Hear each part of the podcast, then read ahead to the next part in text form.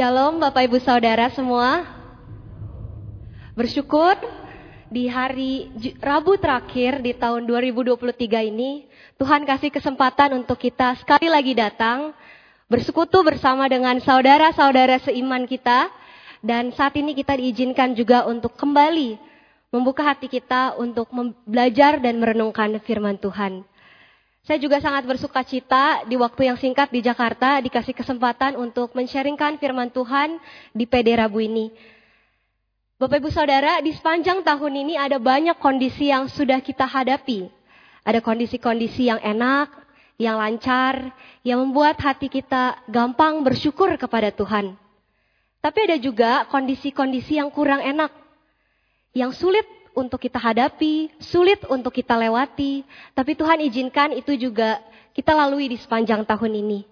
Kiranya lewat pengalaman yang enak maupun gak enak itu, iman kita di tahun ini bertumbuh, semakin mengenal Tuhan dan semakin mencintai Tuhan. Bapak Ibu, salah satu dosen senior saya di saat Ibu Pendeta Rahmiati sering sekali mengulangi kalimat ini waktu dia berkhotbah. Kenal Tuhan, kenal diri, tahu diri. Semakin seseorang mengenal Tuhan dengan benar, seperti yang dinyatakan di dalam Alkitab, dia akan semakin mengenal dirinya dengan benar dan dia akan tahu diri. Itu juga yang dialami oleh Asaf yang menuliskan Mazmur 73 yang malam hari ini akan kita renungkan sama-sama. Di dalam pergumulannya, di dalam kehidupan ini, Asaf belajar makin mengenal Tuhan, makin mengenal dirinya, dan tahu diri. Karena itu mari sama-sama kita mau belajar dari ungkapan hati Asaf. Kita siapkan hati kita untuk perenungkan firman Tuhan. Saya ajak kita untuk tundukkan kepala dan hati kita. Mari kita berdoa.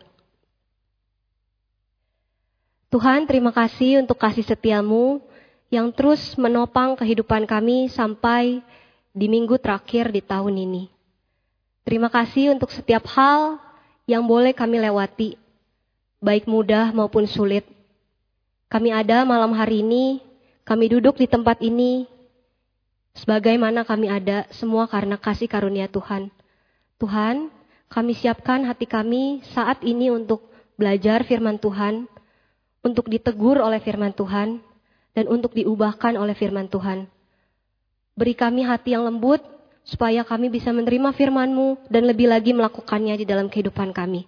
Hanya di dalam nama Tuhan Yesus, kami berdoa. Amin. Malam hari ini kita akan sama-sama merenungkan Mazmur pasalnya yang ke-73. Saya ajak kita untuk membuka kitab kita masing-masing.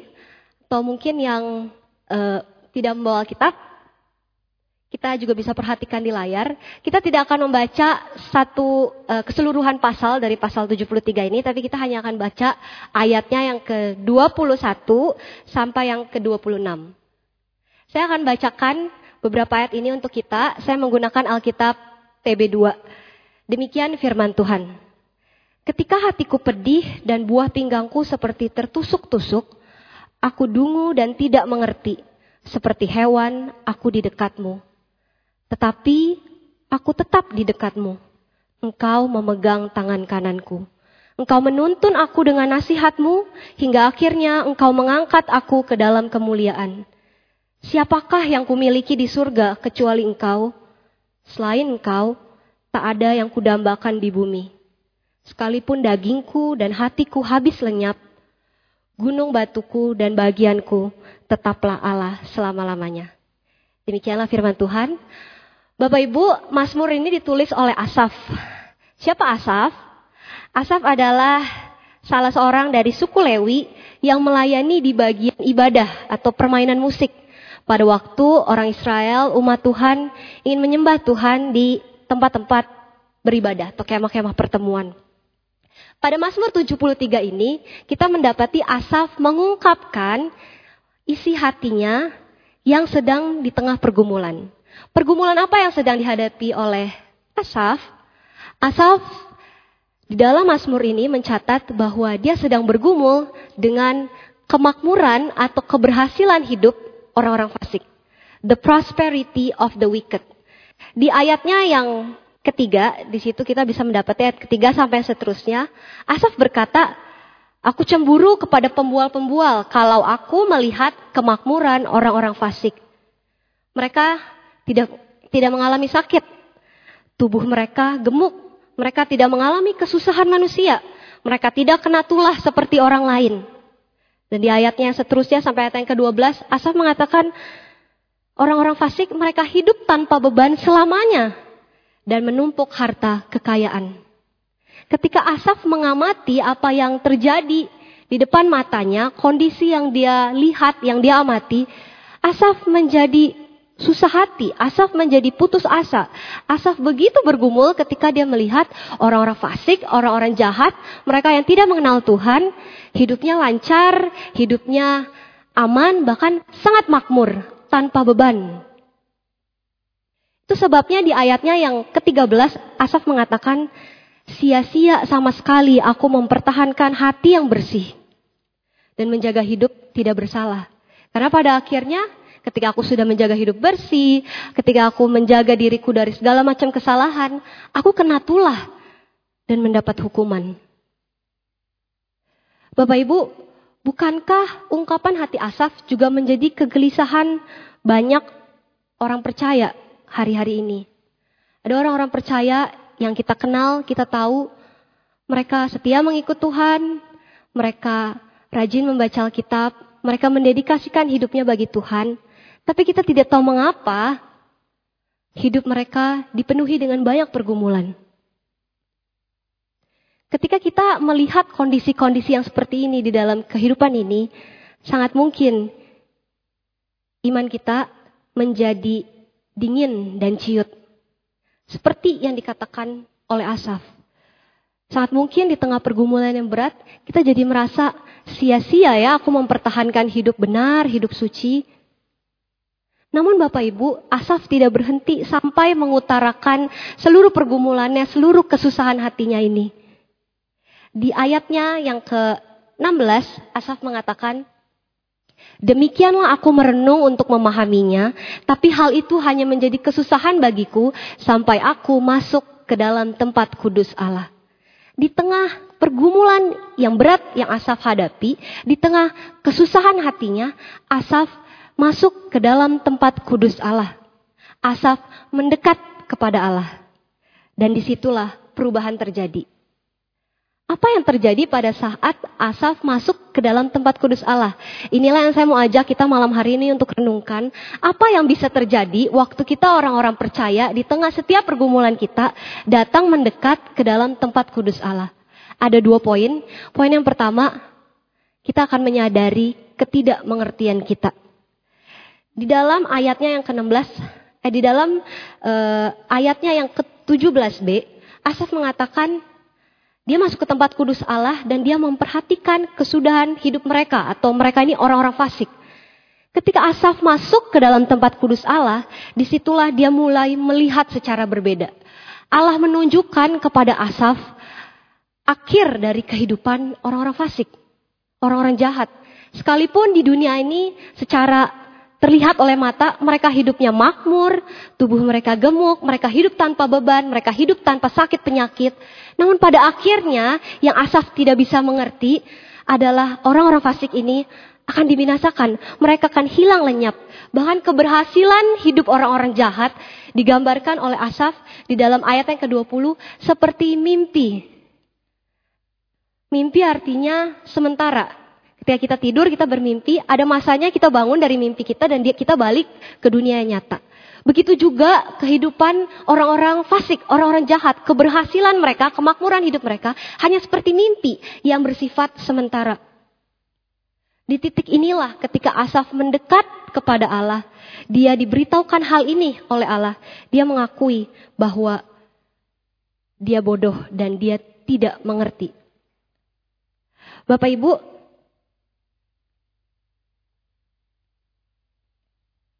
Asaf mengakui pada saat dia melihat dengan matanya sendiri, dia melihat dengan pengertiannya sendiri, dia adalah seorang yang bodoh.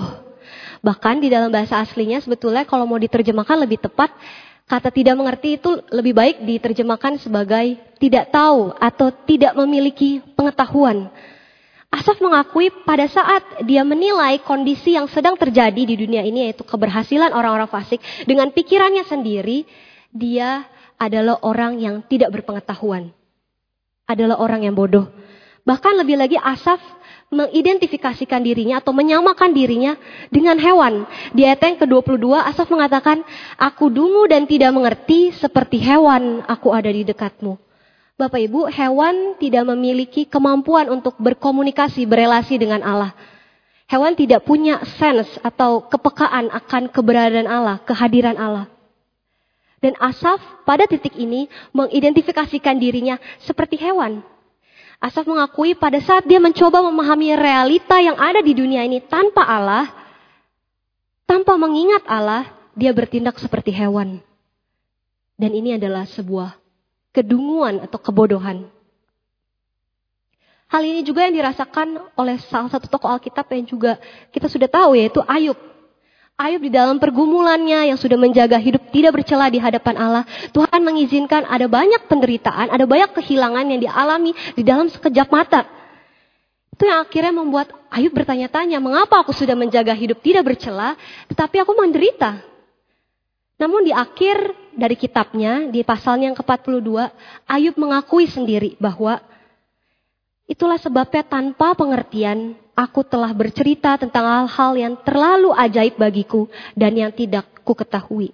Ayub mengakui bahwa yang dia lakukan adalah keluar dari ketidakmengertiannya dan itu adalah kebodohan. Bapak Ibu beberapa waktu ini ada satu agenda yang saya sangat ingin untuk bisa uh, tercapai yaitu saya sangat pengen bisa naik motor karena ini akan memperlengkapi pelayanan saya nanti di Pontianak. Maka sewaktu di kampus semester terakhir karena tinggal mengerjakan skripsi, saya mencoba untuk bertekad gitu belajar motor. Karena ada banyak waktu luang, saya coba pinjam motor teman saya dan saya latihan gitu ya. Ada satu hari ketika saya mau latihan, nggak ada teman yang bisa nemenin saya untuk latihan. Jadi saya berangkat ke parkiran motor sendiri dan saya mencari motor teman saya dan saya mau coba nyalain untuk naik saya coba menyalakan motor itu, saya masukkan kunci, saya putar, nggak bisa nyala. Lalu saya bingung, gimana ya cara nyalainnya? Saya coba masukin lagi, putar-putar, nggak bisa nyala. Ada di kondisi ini kurang lebih dua menit gitu. Saya bingung, gimana ya cara nyalain motor ini? Di sebelah saya, beberapa jarak, uh, beberapa motor di sebelah saya, sebenarnya ada ibu-ibu staff gitu yang juga sedang di motor dan pengen pulang gitu karena itu udah sore dan udah jam kantor selesai. Saya berpikir, saya bisa sih nanya ibu ini, tapi masa nanya udah di parkiran motor, udah kayak udah duduk di motor, masa bilang nggak bisa nyalain motor? Jadi saya pikir, aduh jangan deh, coba aja sendiri, pasti bisa. Maka saya nggak jadi nanya. Saya coba masukin kunci lagi, saya puter-puter. Gak bisa. Dan itu dua menit kemudian saya lihat ada beberapa staff lain yang juga berjalan ke arah parkiran motor. Mereka staff-staff yang lebih familiar mukanya bagi saya gitu. Dan saya lebih pernah ngobrol gitu. Jadi dari jauh waktu mereka udah sampai, mau sampai ke parkiran motor. Saya buru-buru uh, teriak gitu. Saya bilang, Mas boleh nggak tolong bantu nyalain motor? Gimana sih cara nyalainnya? Saya mau belajar motor, tapi dari tadi saya udah coba puter-puter, ini kunci nggak bisa nyala. Lalu uh, mas-mas ini dengan beberapa rekannya datang dan coba nyalain motor itu sambil ketawain saya. Dan dia akhirnya ajarin saya dan motor itu nyala dalam sekejap. Dan itu di, uh, saya diajarin untuk cara nyalain motor itu. Bapak Ibu, pengalaman sederhana ini menyadarkan saya bahwa saya nggak ngerti caranya naik motor. Saya nggak ngerti, saya nggak punya pengetahuan tentang caranya mengendarai motor. Tapi di titik itu saya malah berpikir, saya mengerti, saya memaksakan diri saya. Kalau saya ini ngerti dan saya bisa. Bapak, Bapak Ibu sering kali ini juga yang terjadi di dalam relasi kita dengan Tuhan. Kita tahu kita nggak dapat mengerti segala sesuatu, kita tahu kita nggak punya pengetahuan akan segala sesuatu, tapi kita sering berpikir, kita sering bertindak seolah-olah kita mengerti segala sesuatu. Kita bertindak, kita berpikir tanpa melibatkan Tuhan. Padahal justru di titik itulah kita terlihat sangat bodoh karena kita tidak melibatkan Tuhan. Bapak Ibu, malam hari ini saya mengajak kita untuk mengevaluasi kehidupan kita satu tahun ini.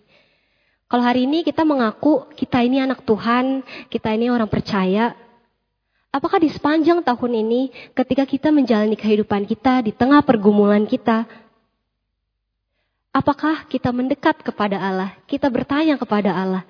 Kita jujur datang kepada Allah? Atau kita bertindak pakai pemikiran kita sendiri dan tanpa melibatkan Tuhan? Ada orang-orang yang merasa dia mengerti, sangat mengerti, bahkan lebih mengerti ketimbang Tuhan. Ini yang membuat saat ada masalah, saat ada pergumulan yang bertubi-tubi datang, bukan mendekat kepada Tuhan, tapi justru marah dan mulai mengatur Tuhan. Harusnya gini, harusnya gitu. Bapak Ibu, lewat Mazmur 73, pemazmur mengajarkan kita bahwa di tengah pergumulan kita, mendekatlah kepada Allah, bukan menjauh. Karena di dekat Allah, engkau akan diubahkan. Di dekat Allah, engkau akan melihat secara berbeda. Engkau akan menyadari ketidakmengertianmu, engkau akan menyadari keterbatasanmu. Namun, engkau tetap di dekat Allah. Dan itu cukup. Hal kedua yang Asaf ajarkan kepada kita ketika di tengah pergumulannya dia datang mendekat kepada Allah adalah ia mengakui bahwa Allah adalah segalanya baginya.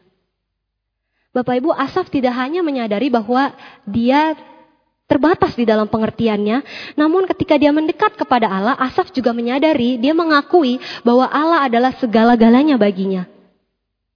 Asaf menyaksikan apa yang telah Allah kerjakan baginya. Di ayat yang ke-23b, Asaf mengatakan, ketika dia dekat Allah, engkau memegang tangan kananku, engkau menuntun aku dengan nasihatmu, hingga akhirnya engkau mengangkat aku ke dalam kemuliaan. Asaf menyadari bahwa Allah tidak pernah meninggalkan dia sendirian. Walaupun tadinya dia berkata di ayat yang awal, Ketika aku di dalam pergumulan, ketika aku cemburu kepada kefas, kepada keberhasilan orang-orang fasik, kakiku hampir terpleset. Tapi sekarang dia mengakui bahwa di tengah pergumulannya, Allah tetap bersama-sama dengan dia dan menemani dia. Allah tidak pernah meninggalkannya. Allah menuntun Asaf dengan nasihat-nasihatnya dan nanti Allah juga akan menjemputnya di dalam kemuliaan. Asaf akhirnya merenungkan dan berkata, Siapakah yang kumiliki di surga kecuali engkau? Selain engkau, tak ada yang kudambakan di bumi. Bapak Ibu, ketika Asaf merenungkan siapa yang akan tetap bersama-sama menemani dia, bukan hanya di bumi ini, tetapi di kehidupan setelah kematian, yaitu di surga, Asaf yakin bahwa yang akan ada bersama-sama dengan dia adalah Allah saja Allah yang akan selalu menjadi miliknya. Allah yang akan selalu ada bersama-sama dengan dia. Bukan hanya di bumi ini, tapi di kehidupan setelah yang ada di bumi ini, yaitu di surga nanti. Bapak Ibu saya ingin bertanya, kalau misalnya saya uh, suruh Bapak Ibu untuk memilih satu barang yang ada di rumah Bapak Ibu yang paling berharga, kira-kira apa satu barang itu?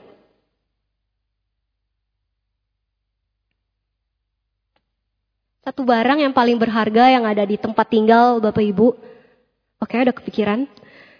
Tapi kalau saya tambahkan, apa satu barang yang paling berharga bagi Bapak Ibu kalau Bapak Ibu tahu akan ada mati lampu total di seluruh Jakarta selama tiga minggu? Barang yang paling berharga bagi saya ketika saya tahu akan ada mati lampu total selama tiga minggu di Jakarta, pertama-tama yang terlintas oleh saya adalah terang atau lilin. Karena HP pun pasti bakal lobet ya kalau misalnya nggak ada listrik selama tiga minggu. Saya ingat sekali waktu saya uh, eh, SMP gitu di Jakarta, di, ya lebih tepatnya mungkin di tempat daerah tempat tinggal saya di Jakarta Barat, sering sekali mati lampu gitu dan mati lampunya itu dalam waktu yang cukup lama. Ketika tiba-tiba begitu mati lampu, hal yang akan saya dan keluarga saya lakukan adalah cepat-cepat buka laci yang kami tahu itu di laci itu tuh ada berbagai macam barang, campuran barang-barang dan akan cepat-cepat merogoh cari lilin. Akan cepat-cepat nyalain lilin dan taruh di spot-spot yang saya rasa itu penting untuk ada penerangan seperti di kamar mandi, di tangga, uh, di dapur gitu kalau mau masak. Dan langsung saja ketika saya memikirkan lilin, hal-hal lain, barang-barang lain yang ada di rumah, saya langsung gak kepikiran tuh. Karena saya tahu, kalau nggak ada terang lilin, seluruh aktivitas yang saya mau lakukan akan sulit untuk dilakukan. Bapak Ibu, saat kita menginginkan lilin, kita nggak ingin barang-barang yang lain. Bahkan kepikiran aja pun pertama kali enggak gitu. Langsung kita pikir butuh terang. Inilah yang terjadi saat kita ada di dekat Allah. Kita menyadari bahwa yang paling kita inginkan adalah Allah. Karena Allah adalah segala-galanya bagi kita. Itu sebabnya Asaf di ayat yang ke-26 dia bisa berkata, sekalipun dagingku dan hatiku habis lenyap, gunung batuku dan bagianku tetaplah Allah selama-lamanya. Asaf yakin bahwa sekalipun segala hal yang dia miliki di dunia ini diambil daripadanya, Allah akan tetap bersama-sama dengan dia. Allah akan menjadi bagiannya selama-lamanya. Dalam bahasa Inggris dikatakan, my portion. God will always be my portion. Bapak Ibu, bukankah ini yang seharusnya juga menjadi ucapan dari hati dan bibir setiap kita? Bahkan kita yang hidup di masa perjanjian baru. Kita yang telah mendapatkan jaminan bahwa Allah adalah segala-galanya bagi kita. Allah yang telah memberikan segala-galanya bagi kita. Allah bukan memberikan berkat, materi, Allah bukan memberikan sekedar kesembuhan dari penyakit-penyakit fisik, Allah bukan memberikan kekayaan, tapi Allah memberikan dirinya sendiri segala-galanya bagi kita. Allah bukan memberikan segala hal yang bersifat sementara di dunia ini yang menyenangkan kita sementara, tapi Allah memberikan dirinya karena Allah tahu yang menjadi masalah terbesar kita adalah dosa. Kegelapan yang bukan hanya seperti mati lampu tiga minggu, tapi kegelapan yang benar-benar membuat kita tidak bisa punya pengharapan di dunia ini. Allah tahu masalah terbesar kita, Dia tahu kebutuhan kita. Dia berikan ke kita segalanya, dirinya, darahnya, nyawanya untuk kita. Kita baru saja memperingati kasihnya lewat kelahirannya di Bethlehem beberapa hari yang lalu. Allah sudah menunjukkan kepada kita, He gives us everything. Dia memberikan kepada kita segalanya. Dia bukan hanya memberikan kepada kita jawaban atas pergumulan-pergumulan kita yang berat di dunia ini. Dia memberikan dirinya sebagai jawaban dari segala masalah yang ada. Jaminan inilah yang menguatkan kita orang-orang percaya. Sehingga kita bisa berkata lebih kencang dari Asaf. Kita bisa berkata sekalipun dagingku dan hatiku habis lenyap. Gunung batuku dan bagianku tetaplah Allah selama-lamanya. Bapak Ibu mari malam ini kita coba tanya ke diri kita. Apa yang paling kita pengen di hidup ini? Apa yang paling kita dambakan di kehidupan ini? Terlihat dari doa-doa kita. Apa yang paling kita sering doakan di sepanjang tahun ini?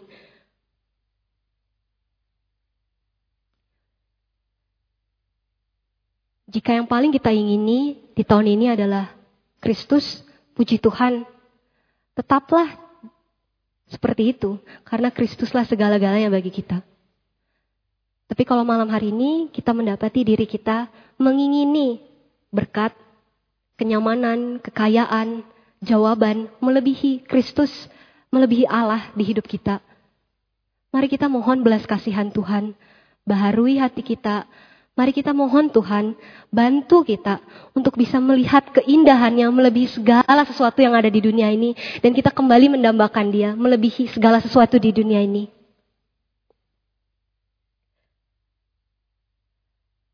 Bapak Ibu saya ingin menutup renungan pada malam hari ini dengan menceritakan sebuah kisah dari seorang misionaris asal Tiongkok yang saya rasa juga uh, sebagian besar dari kita sudah tahu mungkin ceritanya tapi izinkan saya menceritakannya kembali yaitu John Sung. John Sung adalah seorang yang dari kecil sudah diserahkan oleh orang tuanya untuk percaya kepada Tuhan, hidup bagi Tuhan. Tapi John Sung juga adalah seorang yang sangat pintar, dikaruniakan uh, kecerdasan oleh Tuhan. Sehingga ketika dia ingin kuliah, uh, dia pengen untuk pergi ke Amerika. Kalau dia bilanglah kedua, dia bilanglah ke kedua orang tuanya, pengen pergi ke Amerika untuk sekolah gitu. Tapi papanya saat itu bilang, kita nggak ada duit.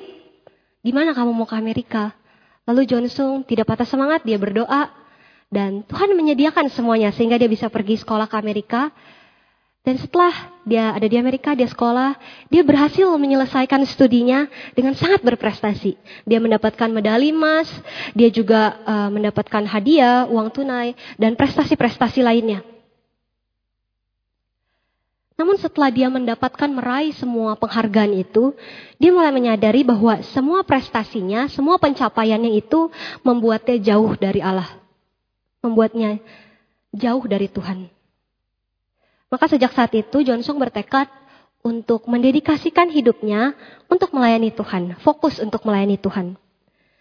Pada satu perjalanan, ketika dia ingin pulang ke tempat asalnya, di atas kapal, Johnson kembali melihat ijazah-ijazahnya gitu ya, penghargaan-penghargaan medali emas yang dia miliki. Dan ketika dia melihat semuanya itu, dia melihat bahwa ini akan menjadi hambatan baginya untuk mendedikasikan hidupnya bagi Tuhan. Karena itu, apa yang ia lakukan? Ia mengambil semua penghargaan-penghargaannya itu dan dia membuangnya, dia melemparkannya ke laut. Kecuali satu ijazah doktoralnya karena uh, dia mau kasih lihat ke papanya supaya papanya tahu gitu dan uh, setidaknya tahu lah ya anaknya sudah selesai menyelesaikan studinya. Namun Johnson dengan sadar membuang semuanya itu karena dia tahu iblis bisa saja memakai memakai itu untuk menjadi cara supaya dia mengejar hal-hal yang bukan Tuhan. Johnson ingin bisa melayani Tuhan dengan ikhlas. Mulailah sejak saat itu Johnson mendedikasikan hidupnya melayani Tuhan untuk pekabaran Injil. Dia pergi ke berbagai daerah, ke berbagai negara. Bahkan di tahun 1939 dia datang ke Indonesia eh, pertama kali ke Surabaya, lalu ke pulau-pulau yang lain seperti Sumatera, Kalimantan, Sulawesi, Bali dan sebagainya. Dan hasil dari pelayanan Johnson dirasakan oleh banyak orang. Pada satu saat gitu ketika uh, Johnson jatuh sakit dan dia sudah tidak bisa lagi menahan kesakitannya karena sudah uh, begitu melemahkan tubuhnya, dia berkata kepada istrinya, "Jangan takut, Tuhan Yesus ada di depan pintu. Apa yang harus kutakutkan?"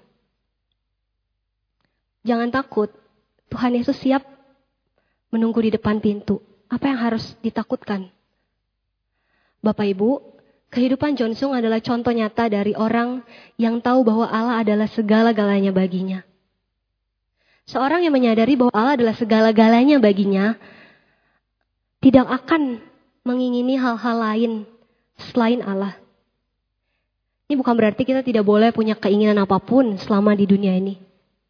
Tapi kita tidak mengejar keinginan itu. Kalau nggak dikasih sama Tuhan, ya nggak apa-apa. Karena Allah adalah segala-galanya bagi kita. Orang yang menyadari bahwa Allah adalah segala-galanya baginya, dia akan hidup mati-matian bukan untuk mengejar apa yang dia pengen capai, tapi apa yang Tuhan pengen capai. Yaitu banyak orang bisa diselamatkan, bisa dengar Injil. Ini bukan berarti harus kita semua masuk ke STT, menyerahkan diri jadi hamba Tuhan full time. Tapi di tempat kerja kita, di keluarga kita, di lingkungan kita, mari kita menangkan jiwa. Mari kita lakukan apa yang Tuhan pengen kita lakukan, bukan mengejar kesenangan semata. Johnson punya kisahnya pribadi bersama dengan Tuhan. Setiap kita di sini pun punya kisah pribadi kita bersama dengan Tuhan. Mari kita masuk ke tahun yang baru, tahun 2024. Mari kita lebih dekat kepada Allah. Pergumulan belum tentu semakin berkurang. Kesusahan hati kita belum tentu semakin ringan. Tapi mari di tengah pergumulan dan kesusahan hati kita, kita seperti Asaf datang kepada Allah. Karena di dekat Allah, kita akan menyadari, bahwa kita terbatas di dalam pengertian kita, tapi Allah adalah segala-galanya bagi kita. Tuhan cukup bagi kita. Mari kita hidup bagi Tuhan, kita menangkan jiwa bagi Tuhan. Roh Kudus akan tolong kita, Roh Kudus akan terus ingatkan dan kuatkan kita. Amin. Mari kita berdoa.